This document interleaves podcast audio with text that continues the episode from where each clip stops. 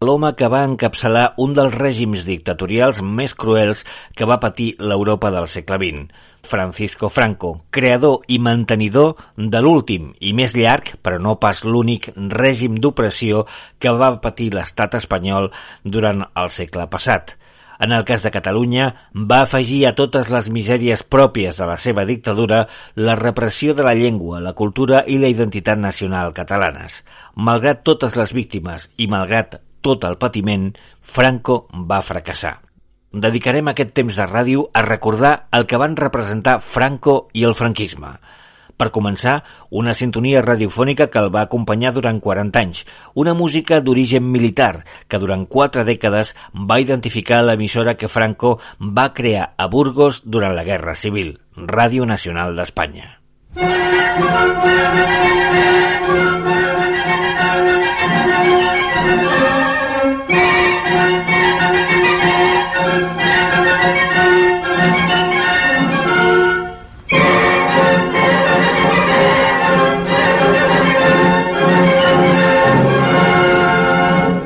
Avui us oferim la primera part del documental Franco Sentinela d'Occident.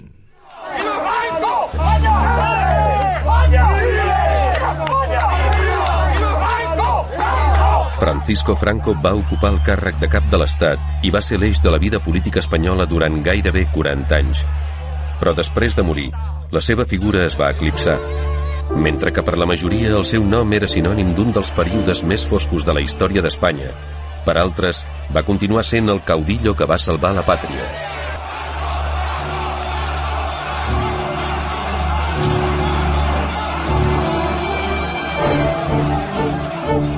Franco, el sentinella d'Occident, una producció entre Televisió de Catalunya, Canal de Història i Arte, amb la col·laboració de l'Institut Català de les Indústries Culturals.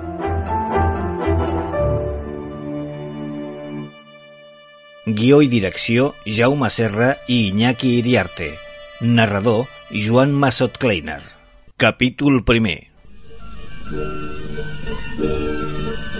Francisco Paulino Hermenegildo Teodulo Franco Bahamonde va néixer a El Ferrol el 4 de desembre de 1892 en una família modesta de classe mitjana lligada per tradició a l'armada. José, vengo de la comandante. ¿Qué te han dicho? Que la corbeta trae buen viento y estará aquí a media tarde. Gracias a Dios. Molts anys més tard, en la novel·la autobiogràfica Raza, Franco donarà a conèixer la seva peculiar visió de l'ambient familiar en què va transcórrer la seva infantesa. Stanley G. Payne, historiador. Bueno, tenía una cierta vergüenza de su propio padre. Uh, su padre era bastante sueldo de costumbres, por ejemplo, con las mujeres.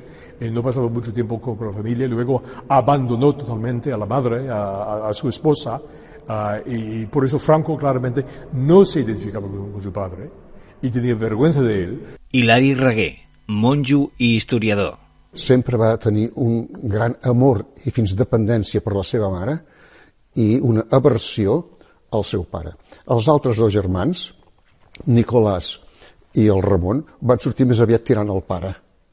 Però eh, Franco està molt traumatitzat per aquest ambient familiar, el, el pare que havia abandonat la, la, la família. Assumpta Roura, escriptora. Ell també sent que ha estat abandonat, com si de debò no valgués res. És a dir, no, la seva persona no fos com a fill, no tingués ni la capacitat de fer quedar-se el pare. Per tant, aquest desig d'autoafirmació amb el Franco i és, eh, fins ben entrada ja, la seva edat madura, madura. Paul Preston, historiador. Eso también tiene consecuencias políticas porque como su padre era un hombre bastante liberal, no masón, pero simpatizante con los masones, pues eso también se convierte en un odio a todo lo que suena liberalismo, democracia, masonería, etcétera, etcétera. Seguint la tradició familiar, el germà, el pare i l'avi eren mariners, Franco prova d'entrar a l'armada. Però les dificultats per accedir a l'escola naval l'obliguen a canviar de plans. El 1907, amb 15 anys, abandona el Ferrol per començar la formació d'oficial d'infanteria a l'Acadèmia Militar de Toledo. Tres anys més tard, Es llicencia amb el número 251 d'una promoció de 312 cadets. Gabriel Cardona, historiador i exmilitar.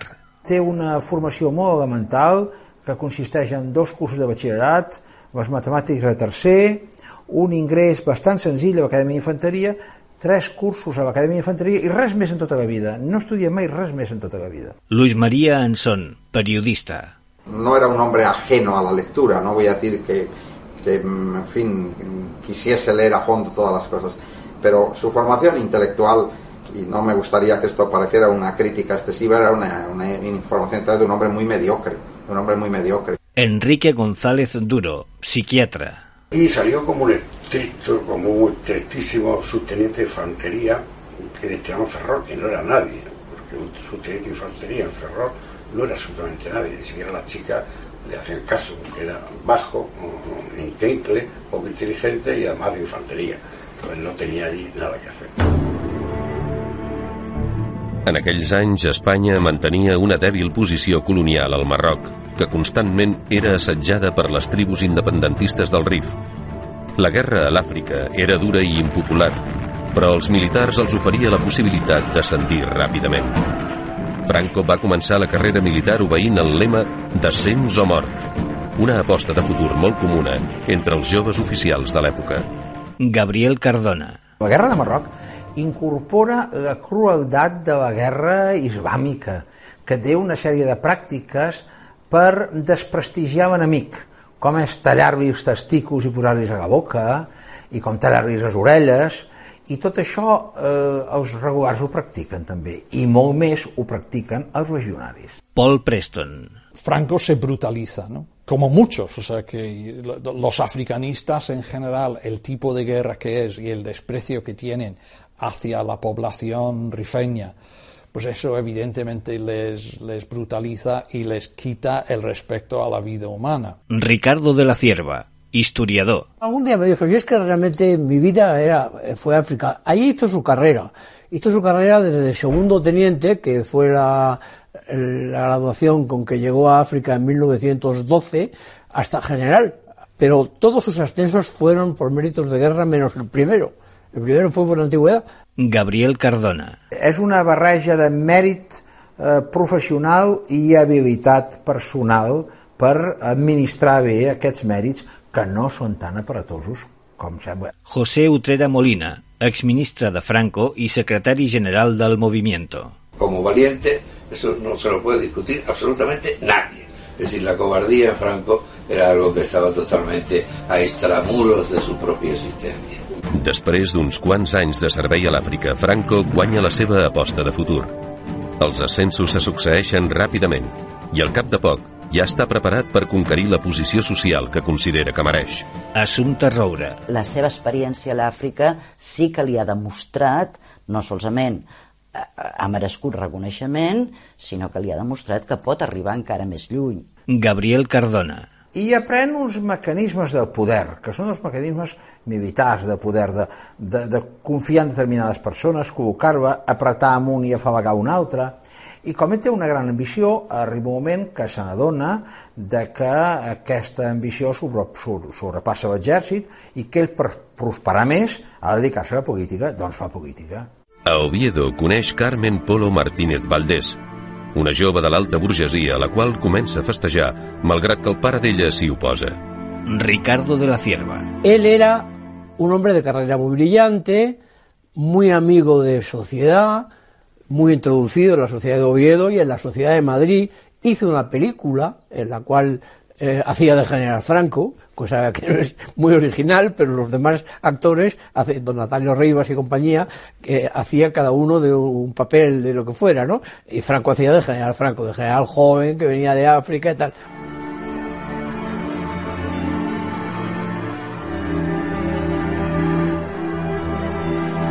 La parella es casa el 22 d'octubre de 1923. Com a de cambra del rei, Franco és apadrinat per Alfons XIII. Margarita Suárez Pazos, neboda de Carmen Polo. Ella se casó en, su, en San Juan, en la parroquia, que era la mejor parroquia que había en Asturias. Y entonces pusieron una alfombra desde casa de ellos hasta, hasta San Juan. Y después yo en San Juan, pues, pues llevando la cola, Fue de padrino el general Losada, que era el que representaba al rey, y de madrina su madre. Paul Preston. Veía en ella la misma seriedad y frialdad que tenía su madre. Y yo creo que, que, sí que cambia su vida, ¿no? Porque, claro, ella sí que eh, enseguida se convierte en, en la dama detrás del trono, ¿no? Que es, es, es una especie de Lady Macbeth. Eh, alentándole y, y, aumentando sus inflando sus ambiciones. No? Assumpta Roura. Afirmaria amb rotunditat que estaven fets l'un per l'altre de debò. És a dir, no hi ha ningú que perdi ni, ni un que guanyi més que l'altre. L'ascens a general i el naixement de la seva única filla el 1926 fan que Franco opti per destinacions menys arriscades. L'any 1928, el general Primo de Rivera el nomena director de l'Acadèmia Militar General de Saragossa. Ricardo de la Cierva. Era la obra de su vida. Y él estaba orgullosísimo. Había participado en la construcción, en el campo de maniobras, en la construcción de los edificios, había colaborado en los planos, porque él, él tenía, tenía vocación de arquitecto, dibujaba relativamente bien, relativamente. Paul Preston. Y ya es cuando cogen un poco el gusto de lo que pueden ser las prebendas del, del poder. Y en algún momento él, eh, o sea, él comenta después que es cuando él empezaba a pensar que a lo mejor estaba destinado a hacer una gran contribución eh, al futuro de su país. Joan B. Culla, historiador. Convençut de que l'exèrcit era la columna vertebral de la nació i el guardià de les essències pàtries, per tant, imbuït d'aquell allò que se n'ha dit el pretorianisme militar, no? la convicció de que, de que l'exèrcit és una casta superior que està investida d'una missió històrica sagrada, no? això ho tenia, evidentment, no sé si això és una ideologia, però això ho tenia, i després una visió neta i rotundament conservadora i tradicional d'Espanya, de la societat, de la vida, de la moral sexual i de tot.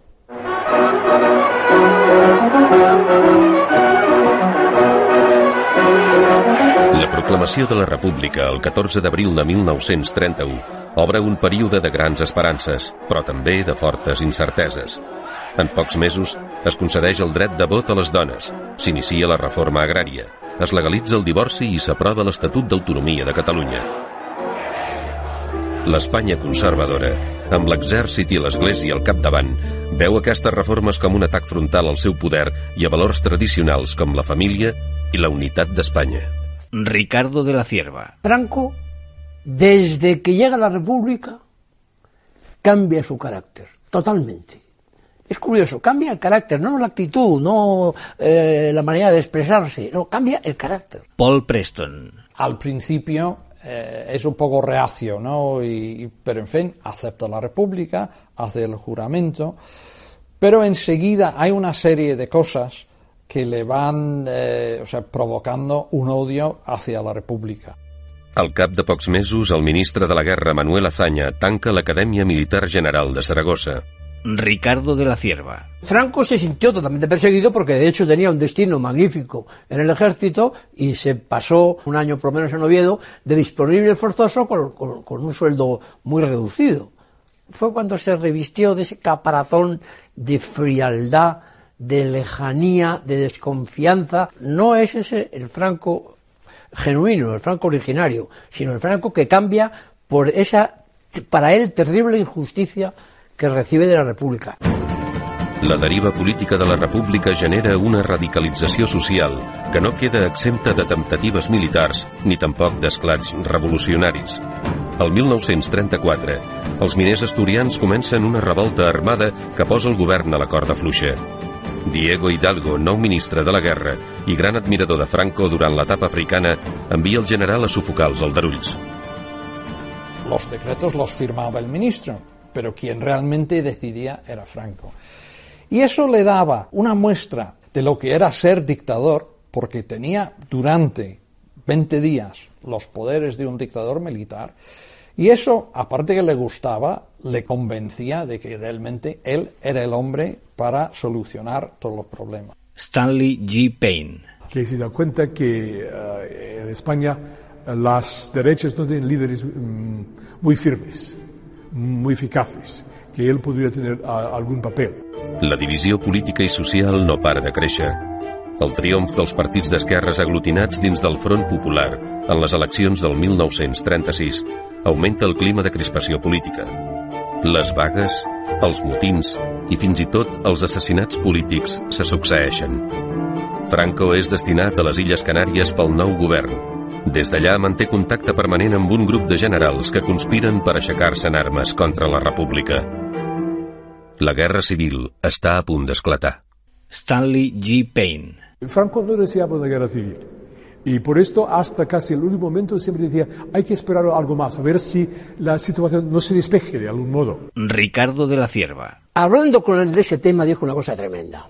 Dijo, bueno, yo cuando pensaba sublevarme y meditaba en la sublevación, me daba cuenta de que si yo, siendo comandante general de Canarias, me sublevaba contra el gobierno del Frente Popular, o triunfaba o me mataban. Paul Preston. Quería estar muy seguro y realmente no, no se decide hasta el asesinato de José Calvo Sotelo el 13, el 13 de julio. A él le impresionó mucho el tema de su primo, que estaba en África al frente del aeródromo de Tetuán y se negó a sublevarse. Se negó a sublevarse a favor de su primo.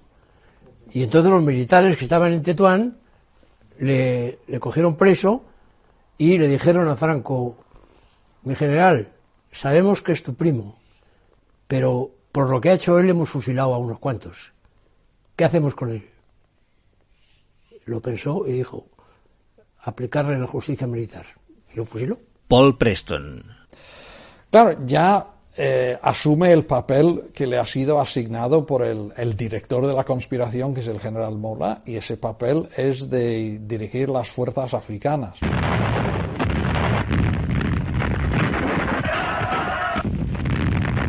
Durant les primeres setmanes de la guerra, Franco actua amb rapidesa.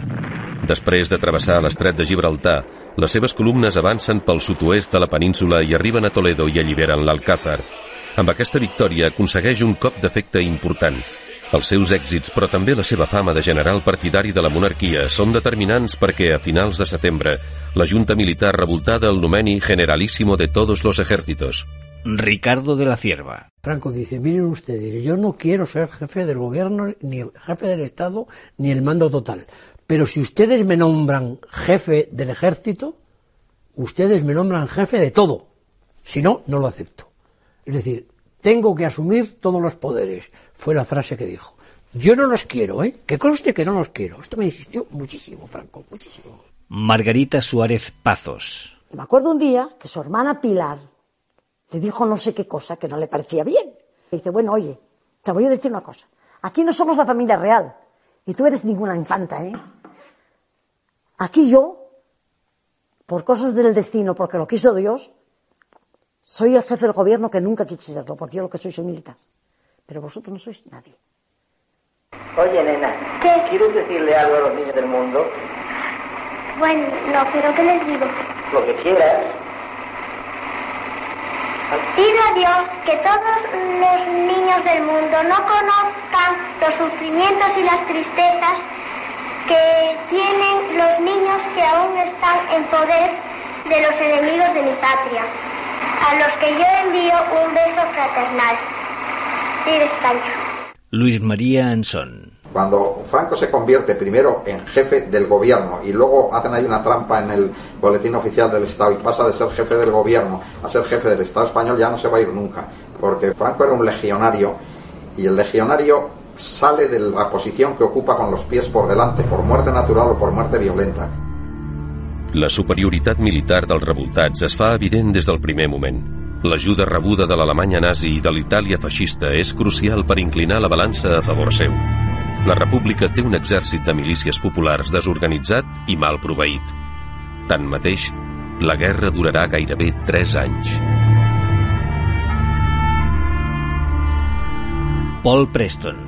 Se podría ir repasando la, historia militar de la guerra, mostrando que Franco o sea, va evitando oportunidades para acabar la guerra precisamente porque quiere acabar con, con, todo lo que es el espíritu republicano, el espíritu democrático, el espíritu liberal, todos los avances de la República, porque su finalidad es establecer las bases para un régimen que dure para siempre. Gabriel Cardona. Quan les tropes de Franco arriben a, a la Mediterrània, el que esperen els generals que, que el Franco ordeni atacar cap al nord i prendre Barcelona, capital de la República, amb el qual s'acaba la guerra, i el Franco fa el contrari, ataca València. Ricardo de la Cierva. No es verdad, Franco no hizo nada por alargar la guerra, todo lo contrario.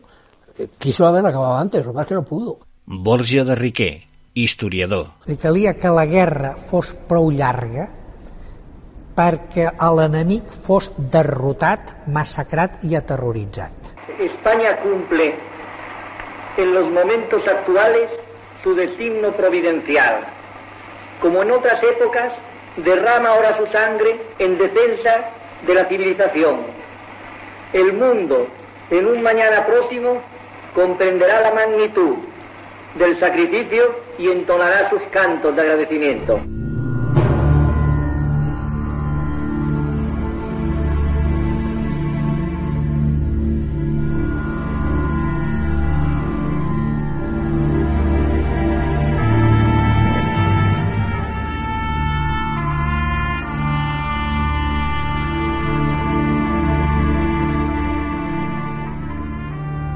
Borja de Riquer. Quan el general Salas Larrazaba fa la primera avaluació de les víctimes de la guerra civil des d'un punt de vista franquista i tot plegat li surten uns 400.000 morts, Franco queda defraudat. Solo 400.000 muertos. Pensaba que había muerto un millón. Ricardo de la Cierva. Él fue un católico ferviente toda su vida, pero toda su vida. Y por eso digo que él no tenía mala conciencia en cuanto a la crueldad. Yo no creo que fuera, fue un sentido exacerbado, especial, discutible como todos los sentidos de la justicia. So original d'en Nodo, primers anys del franquisme. Y al frente de todos, él, César, el Cid, Alejandro, ¿Qué grita esa voz de imperio si no es Franco, Franco, Franco? La paz, evidentemente, es el, o sea, la paz del cementerio, ¿no? porque si hubiera habido reconciliación, eso habría sido la antesala de una liberalización y de la, una democratización. Borja de Riquer. No hi ha cap intent de fer una política de superar la guerra civil de reconciliació. Per tant, condemna tot aquell conjunt d'actituds i d'ideologies que considera vençudes eh, les revolucionàries, les democràtiques, les liberals, les catalanistes, aquests estan exclosos.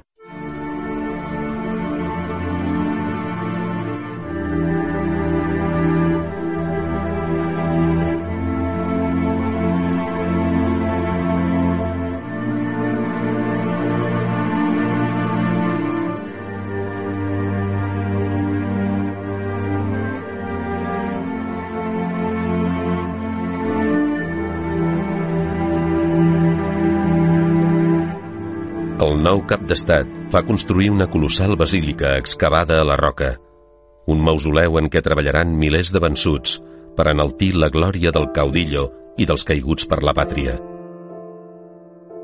Amb el pas del temps, el Valle de los Caídos es convertirà en el símbol d'un país dividit i de la repressió sobre els vençuts.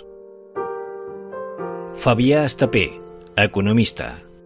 Estamos en un estado tan reñido con el derecho, todo y tal como de ahí, que un día los pueden procesar a todos. Y digo, hostia, ¿y ahora por qué? Digo, digo, mire, esto que están haciendo del Valle de los Caídos, ustedes ve lo que digo, el ministro d'Hisenda em diu, diu, nos pueden procesar a todos.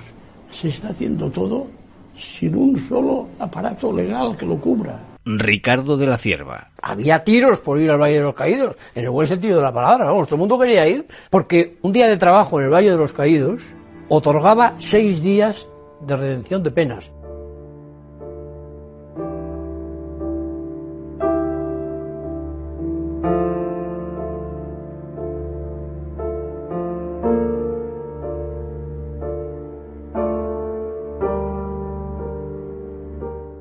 Stanley G. Payne, historiador. Franco no, eh, no empezó la represión. Franco no fue responsable por a, a, a algunos aspectos, uh, de los peores aspectos de la represión, pero también se conformó con esta clase de, de represión. Paul Preston. En el aparato del terror están muchísimos, o sea, cientos de miles de personas. Lo que querían toda esa gente, y con Franco a la cabeza, era eliminar todo rastro, o sea, todo, toda pista de, de, esas ideas liberales y progresistas. Ricardo de la Cierva. Franco firmó decenas de miles de indultos, ¿eh? otra cosa que tampoco se dice. Yo me he propuesto contarlos y lo voy a hacer. Decenas de miles de indultos. Gabriel Cardona, historiador i exmilitar. Els afusellats de la pau o de la victòria no cabien, però té l'absoluta decisió d'acabar fins al final amb la mala llavor, amb la qual li ajuda bastant la ideologia d'alguns integristes catòlics. En cuanto la Iglesia diga que o sea, la, la, la rebelión militar es una cruzada, pues más o menos justifica todas las matanzas, porque las matanzas ya son matanzas en el nombre de Dios. Hilari Reguer, monjo i historiador. Hi ha una responsabilitat en l'Església a la repressió durant la guerra i després de la guerra. L'Església va tenir la pell molt fina per a les pròpies víctimes, i però va tenir poca misericòrdia amb les altres víctimes. Joan B. Culla. Tot allò que per l'Església Catòlica era pecat, per l'Estat era delicte. Vull dir, literalment això, és a dir, l'adulteri, que és pecat d'acord amb la moral cristiana, catòlica, era delicte. És a dir, era perseguit pels, pels tribunals. La blasfèmia, és a dir, si tu renegaves en un tramvia, oi? Feies, proferies una blasfèmia, hi havia un guàrdia, bueno, portava el quartel i et fotia una multa. Hilari Reguer. Quan la vida, la llibertat, però fins i tot la vida d'una persona podia dependre d'un aval del rector, el bisbe més aviat hauria de dir avaleu a qui sigui, però diu que no avalin, i diu no n'hi ha prou que ara vagin a missa. Si abans de la guerra no hi anaven, no es pot dir ara que hi van. O sigui, hi ha una responsabilitat eh, forta. Borja de Riquer. Ni l'Església, ni cap fracció política franquista en cap moment discrepa de la repressió. Tots estan al mateix Consell de Ministres que signen les sentències de mort. Eh? Carlistes, monàrquics, catòlics, falangistes, militars, tots estan. Això els uneix. És aleshores quan Franco escriu el guió de Raza, una pel·lícula en què el general reflecteix la seva visió del que va ser la Guerra Civil. Una visió maniquea segons la qual el món es divideix sense fissures entre bons i dolents. Buena empresa la de los militares, que por pintar por ahí la cigüeña os aseguramos la vida a todos los ciudadanos. Dices ese disparate porque te duele que seamos el principal estorbo para vuestros manejos turbios e indignos. Espanya és per Franco com una gran família dividida per l'odi i abocada a un enfrontament fratricida. Es que no queréis que tenga ni un solo día feliz. Todo esto se acabará muy pronto. Dios quiera que sea el día en que cada uno estemos en distinto parapeto. Ya está bien, José. Al final, de tota manera, ofereix una sortida al seu germà escarriat que la llum i expiar el sacrifici. Poco importa que hayáis recuperado esos papeles. Sin planos y aún sin armas ganarán siempre la batalla contra los hombres huecos. Son ellos, los que sienten en el fondo de su espíritu la semilla superior de la raza, los elegidos para la gran empresa de devolver a España su destino. Ellos, y no vosotros, materialistas sordos, llevarán sus banderas hasta el altar del triunfo. Para ellos fatalmente ha de llegar el día feliz de la victoria. José Utrera Molina, exministre de Franco y secretario general del movimiento. Su patriotismo no era un patriotismo de opereta, ni de canciones, ni de guiones. Era un patriotismo profundo, un patriotismo que tendía a la perfección. Este es Roger de Flor, el célebre caudillo de los almogávares que paseó triunfante hasta el fondo del Mediterráneo los colores de nuestra bandera de hoy. Papá, ¿qué son los almogávares? Eran guerreros elegidos, los más representativos de la raza española, firmes en la pelea, ágiles y decididos en el maniobrar. Su valor no es igualado en la historia por ningún otro pueblo. José Utrera Molina. Creía en dos o tres cosas, y una de las que creía fundamentalmente era en la unidad de España. Eso para él era un dogma. Luis María Ansón. Consideró a las provincias vascas provincias traidoras y, y erradicó todo lo que era la cultura de las patrias chicas españolas. Assumpta Roura. No hi ha possibilitat de, de, de petits matisos. Això val per Extremadura, val per Andalusia, val per Catalunya. És a dir, val per aquesta Espanya única, grande i libre. Borja de Riquer. Franco era més militar que gallec i era un militar educat eh, amb les tradicions més clares de l'ultranacionalisme espanyol. I per tant era claríssim que el primer que faria era liquidar una situació com l'autonomia catalana. Joan B. Culla. A, a base de reduir el català, la llengua, vull dir, a un, a un dialecte, diguéssim, a un patuà, a una cosa domèstica, a la vuelta de 25 o 30 anys, acabaríem el problema català. Els seguidors nostàlgics del caudillo avui encara continuen predicant el dogma de la unitat de la nació espanyola. José Luis Corral, president del Movimiento Católico Español. Creo que la unidad de España está en gravísimo peligro por la presencia de, separatismos y por la lógica fatal de la democracia, que dice que allí donde la mitad más uno de los votos determinen determinada cosa, pues eso hay que hacer. Jamás de los jamases ni Vascongadas ni Cataluña fueron países independientes y a los niños allí se les inculca un odio a España como si España les hubiera ocupado militarmente, de manera que pena de muerte para los terroristas, ilegalización de los partidos separatistas, clausura de las entidades políticas que dan cobertura al separatismo, como las autonomías que ejercen de manera separatista, y privación de la nacionalidad a los que se manifiesten enemigos de España. Perderían los derechos políticos, aunque no perderían los civiles. Y eso es lo que proponemos para los separatistas.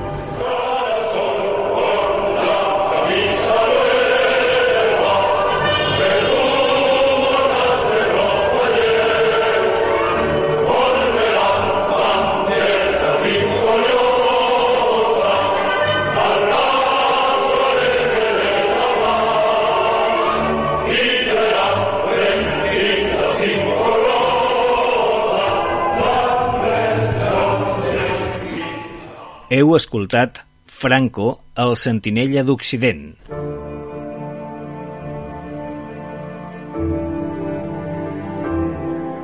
Narrador Joan Massot Kleiner. Música original Jaume Carreras. Documentació Pablo Bujosa. Producció Ángel Custodio i Juan Carlos de la Hoz. Guió i direcció Jaume Serra i Iñaki Iriarte una coproducció entre Televisió de Catalunya, Canal de Història i Arte amb la col·laboració de l'Institut Català de les Indústries Culturals. Adaptació radiofònica Barcelona Digital Ràdio.